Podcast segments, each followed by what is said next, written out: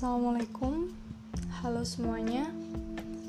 Uh, aku Ulfiana mau sharing pengalaman, mau ngomongin tentang uh, lakukan semuanya itu dengan hati. Itu judulnya. Kenapa aku pilih judul itu? Karena mungkin selama ini kita kayak mengalami uh, banyak hal yang di mana kita itu apa ya? Kita melakukan sesuatu karena ada dorongan atau paksaan dari keadaan misalnya. Keadaan ataupun orang lain kepada kita. Jadi kita ketika melakukan sesuatu itu bukan karena atas kemauan diri kita sendiri gitu. Bukan atas dasar hati nurani kita yang mengatakan bahwa kita harus melakukan sesuatu ini kayak gitu. Nah itu dia yang menyebabkan apa yang kita lakukan itu jadi kayak uh, apa ya kerasa berat gitu untuk melakukannya. Padahal itu mungkin hitungannya itu ringan sesuatu yang ringan kayak gitu. Tapi karena kita melakukannya dengan terpaksa karena kita merasa ada beban di dalamnya kita merasa ada tanggung jawab dan amanah atau bahkan uh, sesuatu yang membuat kita malah justru merasa berat gitu ketika melakukannya nah itu akan membuat kita itu kayak merasa ogah-ogahan gitu untuk melanjutkannya kayak gitu. Makanya sebelum melakukan sesuatu itu pastikan niat kalian itu bener-bener diluruskan kayak gitu. Jadi e, melakukan semua hal itu dari hati. Karena sesuatu yang kita lakukan dengan hati pasti akan sampai kepada hati jadi orang itu bisa bedain gitu mana yang benar-benar dari hati atau kita nyebutnya itu tulus atau mana orang yang cuma gara-gara kepaksa atau bahkan malah pura-pura melakukan sesuatu kayak gitu.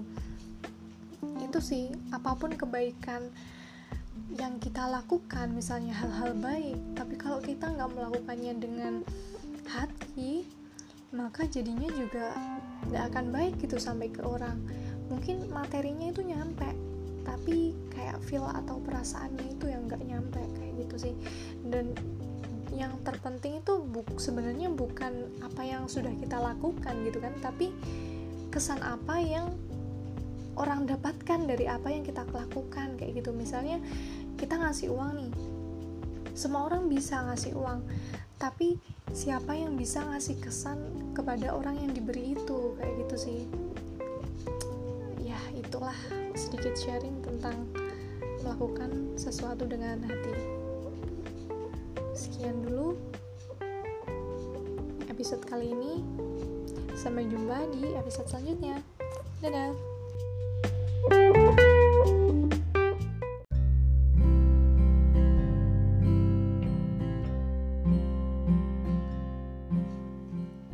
Uh, halo semuanya, aku mau ngomongin tentang sesuatu yang mungkin setiap hari kita uh, bukan setiap hari sih tapi kita itu pernah berada ataupun mengalami masa-masa ini di dalam hidup kita. Setiap orang pasti pernah kayak ngerasa nggak berguna.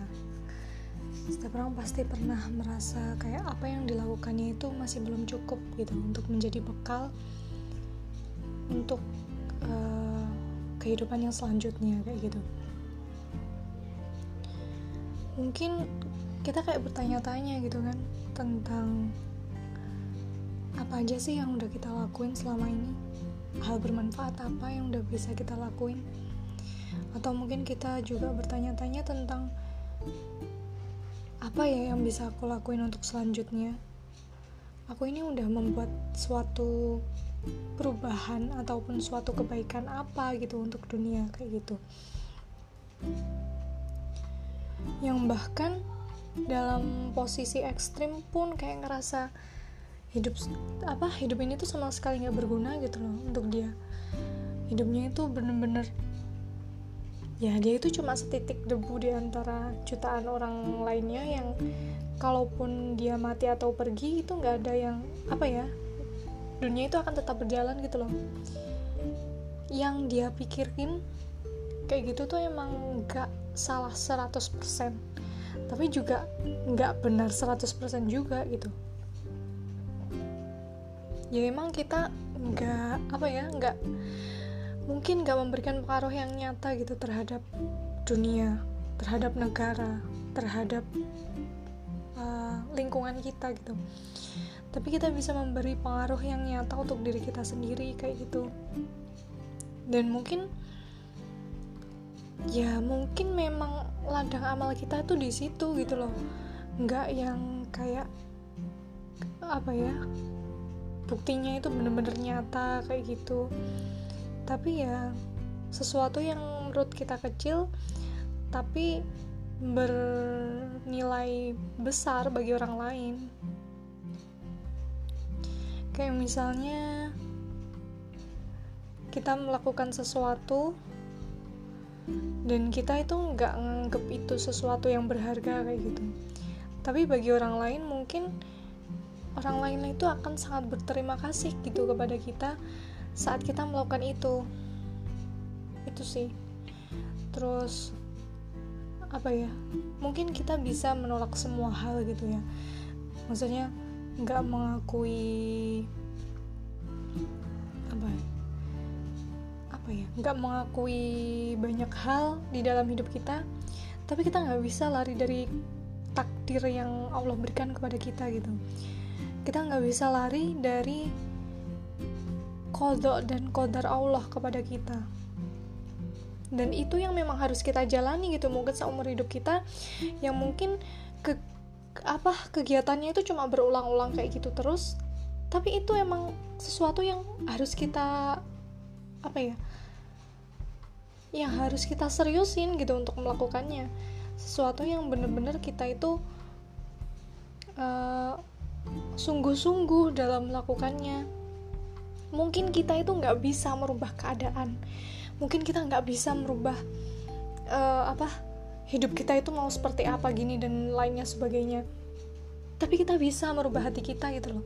Tapi kita bisa merubah hati kita untuk lebih baik, lebih sabar, lebih apa ya menjadi sesuatu yang baik gitu loh kita nggak bisa merubah keadaan tapi kita bisa merubah suasana suasana hati kita kayak gitu takdir yang kita jalani uh, yang yang udah digariskan gitu ya kepada kita.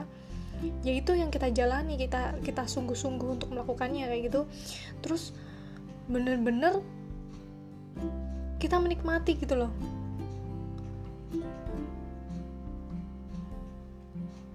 Aku kamu kita itu nggak bisa menolak takdir. Sekeras apa pun kita coba untuk lari, jika sesuatu yang udah digariskan, maka itu yang akan terjadi gitu. Kadang kayak aku sendiri sih kayak berpikir kayak sudah hidup selama ini gitu. Kontribusiku itu untuk apa di dunia ini? Kayak gitu. Bahkan untuk di diriku sendiri aja itu apa yang udah aku lakukan untuk diriku kayak gitu. Uh,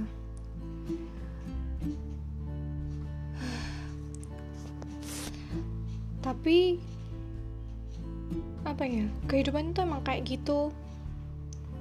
Artinya semua yang udah digariskan itu ya bakalan terjadi kayak gitu gitu loh. Kita mau nolak kayak gimana orang itu udah menjadi sebuah takdir gitu kan. Tapi kan kita bisa untuk merubah perasaan kita dalam memahami itu. Kita bisa merubah sudut pandang kita dalam uh, melihat sesuatu itu gitu loh. Bagaimana cara kita menjalaninya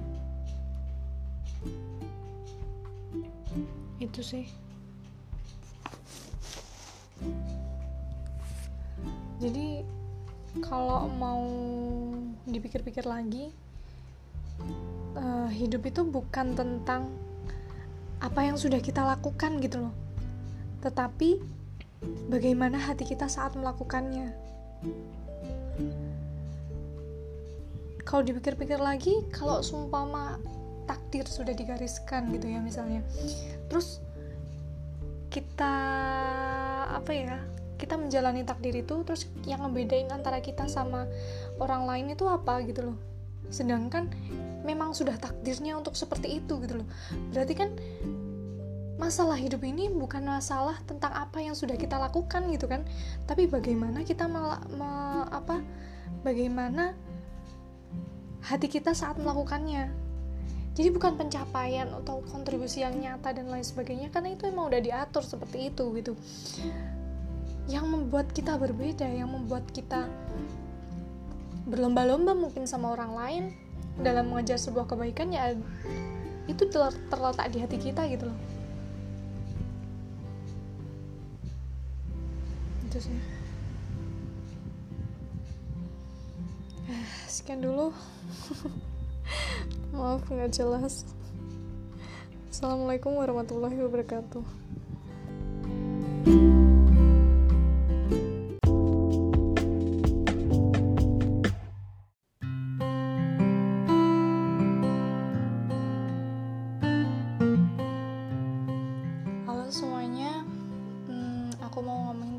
Puasa.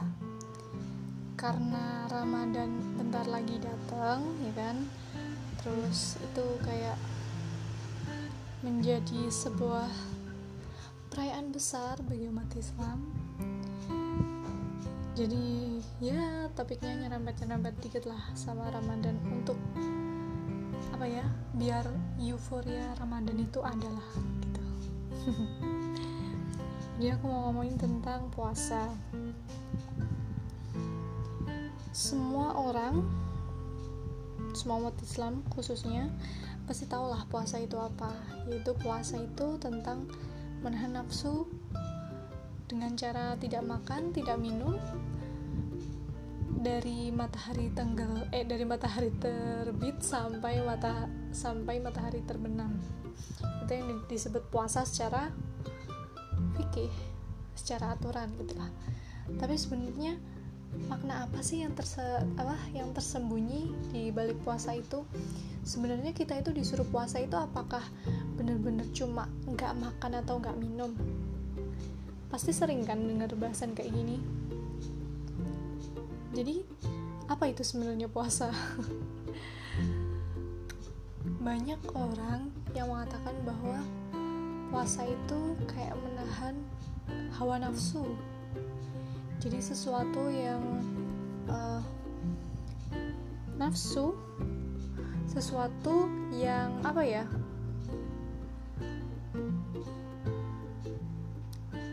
yang menggebu-gebu di dalam hati itu harus ditahan. Apa sih?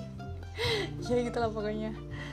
Jadi uh,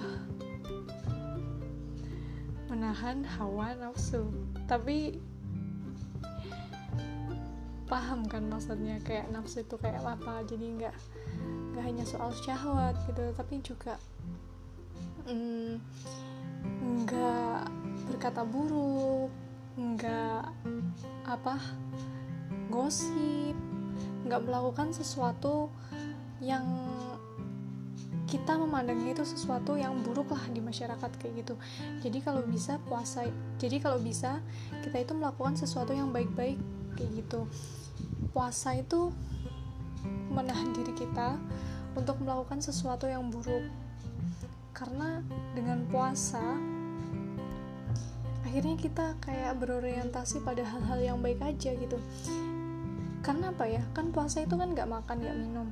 Itu kan kita capek sendiri kan? Maksudnya kayak nggak ada kayak nggak ada apa? Kayak nggak ada tenaga lah untuk melakukan hal-hal yang buruk gitu. Jadi mendingan tenaganya itu digunakan untuk melakukan hal-hal yang baik aja kayak gitu. Kenapa kita harus menguras energi atau menguras tenaga kita untuk melakukan sesuatu yang buruk? Misalnya mencuri atau paling gampang ngomongin orang lain. Nah itu kan kita kan capek ya ngomong. Kenapa nggak tenaga yang tersisa itu karena kita lemes kayak gitu kenapa nggak dibuat ngomong sesuatu yang baik aja kayak gitu? Atau bahkan diam aja mendingan gak usah ngomong daripada ngomongin sesuatu yang buruk. Ya kayak gitu. Terus menilik makna puasa lebih dalam lagi. Sebenarnya di kehidupan ini kita berpuasa setiap hari gitu loh. Apa yang nggak puasa apa dalam hidup ini? Kayak kita makan. Ya udah kita makan sampai segitu-segitu aja gitu loh. Nggak kita nggak sampai berlebihan dari semuanya itu kita makan semuanya kan itu nggak mungkin kan? Karena pada dasarnya puasa itu kan menahan. Ketika kita udah kenyang kita kan otomatis menahan diri gitu kan. Menahan diri untuk nggak makan. Terus nggak menahan diri untuk nggak memiliki baju banyak misalnya. Kayak kita memiliki baju banyak tapi kan pada akhirnya kita juga memakainya hanya satu aja gitu loh. Ya gitulah pokoknya paham kan? Daripada aku semakin ngawur ngomongnya jadi cukup sampai di sini aja. Sekian dulu. Assalamualaikum warahmatullahi wabarakatuh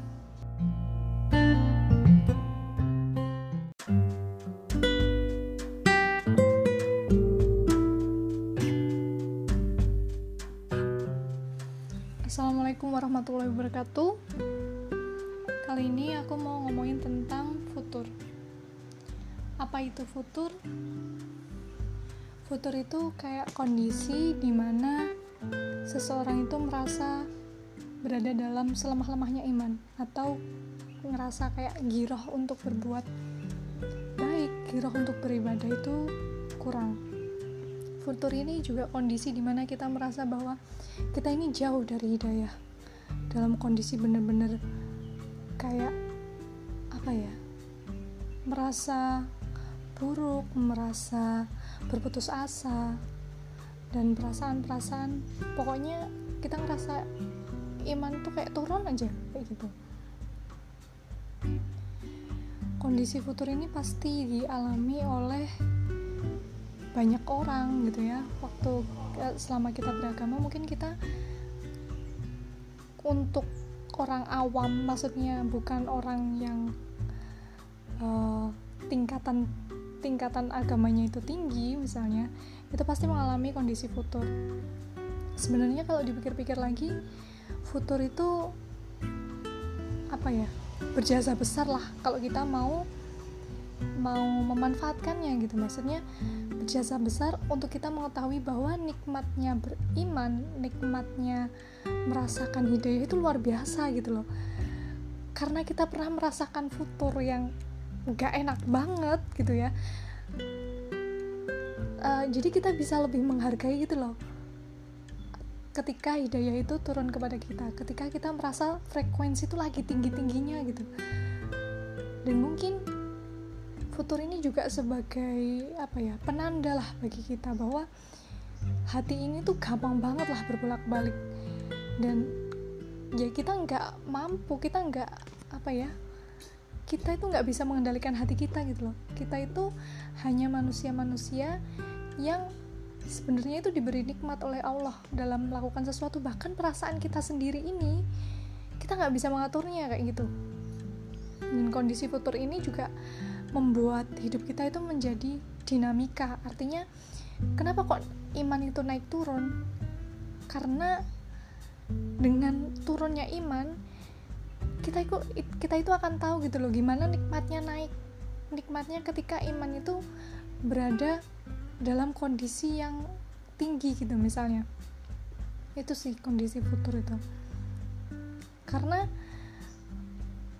karena kita ya sama sih kayak semacam kenapa ada sedih kenapa ada bahagia. Karena kalau nggak ada sedih kita nggak tahu rasanya bahagia yang nikmat itu seperti apa gitu ya. Karena kita pernah merasakan sedih sehingga kita lebih mensyukuri gitu saat kita bahagia kayak gitu sih. Jadi di dunia ini tuh ya Allah menciptakan semuanya itu berpasang-pasang gitu loh. Dan pasangan itu nggak nggak harus gak harus manusia gitu. Maksudnya nggak harus makhluk hidup misalnya kayak siang berpasangan dengan malam sedih berpasangan dengan bahagia kayak semacam itu sih. Kecewa dengan bangga ya kayak gitu. Dan ketika kita futur apa yang bisa kita lakukan untuk uh, apa ya me menanggulangi kondisi futur ini? Misalnya aku pernah dengar temanku itu ngomong kalau ada kiat-kiat khusus sih sebenarnya untuk men mengatasi rasa futur itu ketika sedang mendera kayak gitu. Itu misalnya yang pertama itu uh, tetap paksakan untuk beribadah gitu ya. Karena kita nggak tahu kondisi mana yang membuat kita itu iman kita itu naik lagi gitu loh. Jadi dengan kita justru meninggalkan ibadah misalnya itu malah membuat kita jadi semakin jauh yang kita kondisinya itu sedikit jauh gitu ya misalnya. Itu malah justru lebih jauh lagi karena kita kayak apa ya menyerah dengan kondisi futur itu dengan gak beribadah kayak gitu. Terus yang kedua itu sembuhkan hati dengan Al-Quran. Semakin kita berinteraksi dengan Al-Quran semakin kita banyak membaca Al-Quran itu lumayan mengobati apa ya ada kan karena kan kalau kondisi futur itu kan kadang-kadang ada perasaan hampa gitu kan yang di dalam hati. Nah itu kon apa ya caranya mengobati itu dengan memperbanyak bacaan Al-Quran. Kayak gitu. Terus yang ketiga yaitu dengarkan murotal sering-sering denger dengerin murotal. Jangan dengerin sesuatu yang justru membuat kalian tuh semakin hampa gitu sih. Dan kalian pasti tahu lah apa namanya apa aja yang bisa membuat hati kalian itu tambah hampa. Karena kalian sendiri yang merasakan gitu. Terus kalau aku itu mendengarkan ceramah-ceramah di YouTube gitu misalnya ya. Atau sering-sering ikut kajian. Karena saat-saat kita mendengarkan ceramah-ceramah kajian-kajian itu ya itu tuh kayak semacam recharge iman kita gitu loh. Kita kan nggak tahu ya iman itu ke, kapan naiknya kapan turunnya kita kan nggak tahu. Dan caranya me, me, apa ya mengisi penuh misalnya iman itu dengan mendengarkan nasihat-nasihat baik. Nasihat-nasihat yang sebenarnya kita itu tahu itu ya. Sebenarnya kita itu tahu nasihat itu. Sebenarnya kita itu udah sering banget dengerin itu. Tapi ketika didengarkan itu kita jadi teringat kembali gitu loh. Karena ketika kita berada dalam kondisi futur ketika kita berada dalam sebuah masalah gitu ya kita itu tahu solusinya kayak gimana sebenarnya. Tapi saat dihadapkan dengan masalah dengan kondisi futur semua itu kayak blank gitu loh. Teori-teori nasihat-nasihat baik cara-cara penyelesaiannya itu kita itu sama sekali nggak kepikiran sama sekali gitu loh. Dan dengan cara mendengarkan kajian dengan cara ikut uh, apa ya ikut ikut-ikut kajian dan acara-acara keagamaan gitu ya dalam tanda kutip itu membuat kita tahu gitu loh kita diingatkan diingatkan kembali dengan dengan solusi dari kondisi kita kayak gitu. Terus kalau yang lagi sering banget aku lakuin itu adalah mendengar kisah-kisah hijrahnya seseorang. Karena itu apa ya semacam insight atau sudut pandang baru gitu loh kita dalam dalam aku sendiri memahami Islam. Dalam melihat apa ya ketika Allah memberikan hidayah kepada seseorang itu uh, rasanya itu bener-bener keren banget lah gimana ya. Rasanya kayak Allah itu sayang banget loh sama hamba-hambanya kayak gitu. Kayak rasanya itu nikmat banget disayangin Allah sampai kayak gitu gitu loh. Kayak apa ya hidayah itu adalah sebuah nikmat terbesar di dalam hidup anugerah atau bahkan apa ya hadiah hadiah terbesar di dalam hidup itu adalah hidayah. Jadi melihat orang-orang mendapatkan hidayah melihat orang-orang hijrah gitu ya itu benar-benar membuka sudut pandang bahwa Allah itu benar-benar berkasih sayang gitu sama hamba-hambanya. Memberikan uh, cinta kepada hambanya sehingga orang-orang yang mendapat hidayah itu memancarkan aura-aura positif kalau menurutku sih. Kak memancarkan cahaya-cahaya yang justru membuat sekelilingnya itu menjadi terang sekelilingnya itu menjadi ikut basah karena apa? Karena tahu bahwa mereka ini orang-orang yang disayangi oleh Allah kayak gitu sih. Makanya ya lumayan membantu sih mendengar kisah-kisah hijrah kayak gitu. Pengalaman-pengalaman mereka yang misalnya dari yang keburuk menjadi lebih baik itu bener-bener keren sih menurutku. Dan yang terakhir yaitu berteman dengan orang-orang yang bisa membuat uh, bisa membuat imanmu itu ngecharge lagi gitu loh. Jadi ketika kita futur ketika kita berada dalam kondisi yang buruk misalnya itu kita akan ada seseorang yang selalu mengingatkan untuk kita itu mengingat Allah. Seseorang yang akan menemani jalan kita dalam mendekati Allah kayak gitu sih. Karena hijrah itu kalau sendiri itu berat banget. Kayak kita melakukan sesuatu yang belum pernah kita lakukan kan kalau sendiri itu kan rasanya takut-takut gimana gitu kan ya. Rasanya kayak banyak godaannya banyak halangannya misalnya. Dan itu caranya adalah dengan mencari orang yang sama-sama ingin uh, berada pada tujuan yang sama gitu sama kita. Dan orang ini yang akan selalu mengingatkan kita ketika kita mulai menyerah gitu dengan jalan kita jalan yang kita lalui gitu loh. Padahal kan uh, jalan kita masih panjang. Itu sih futur. Sebenarnya ini juga untuk pengingat untuk diri aku sendiri sih kalau aku lagi futur.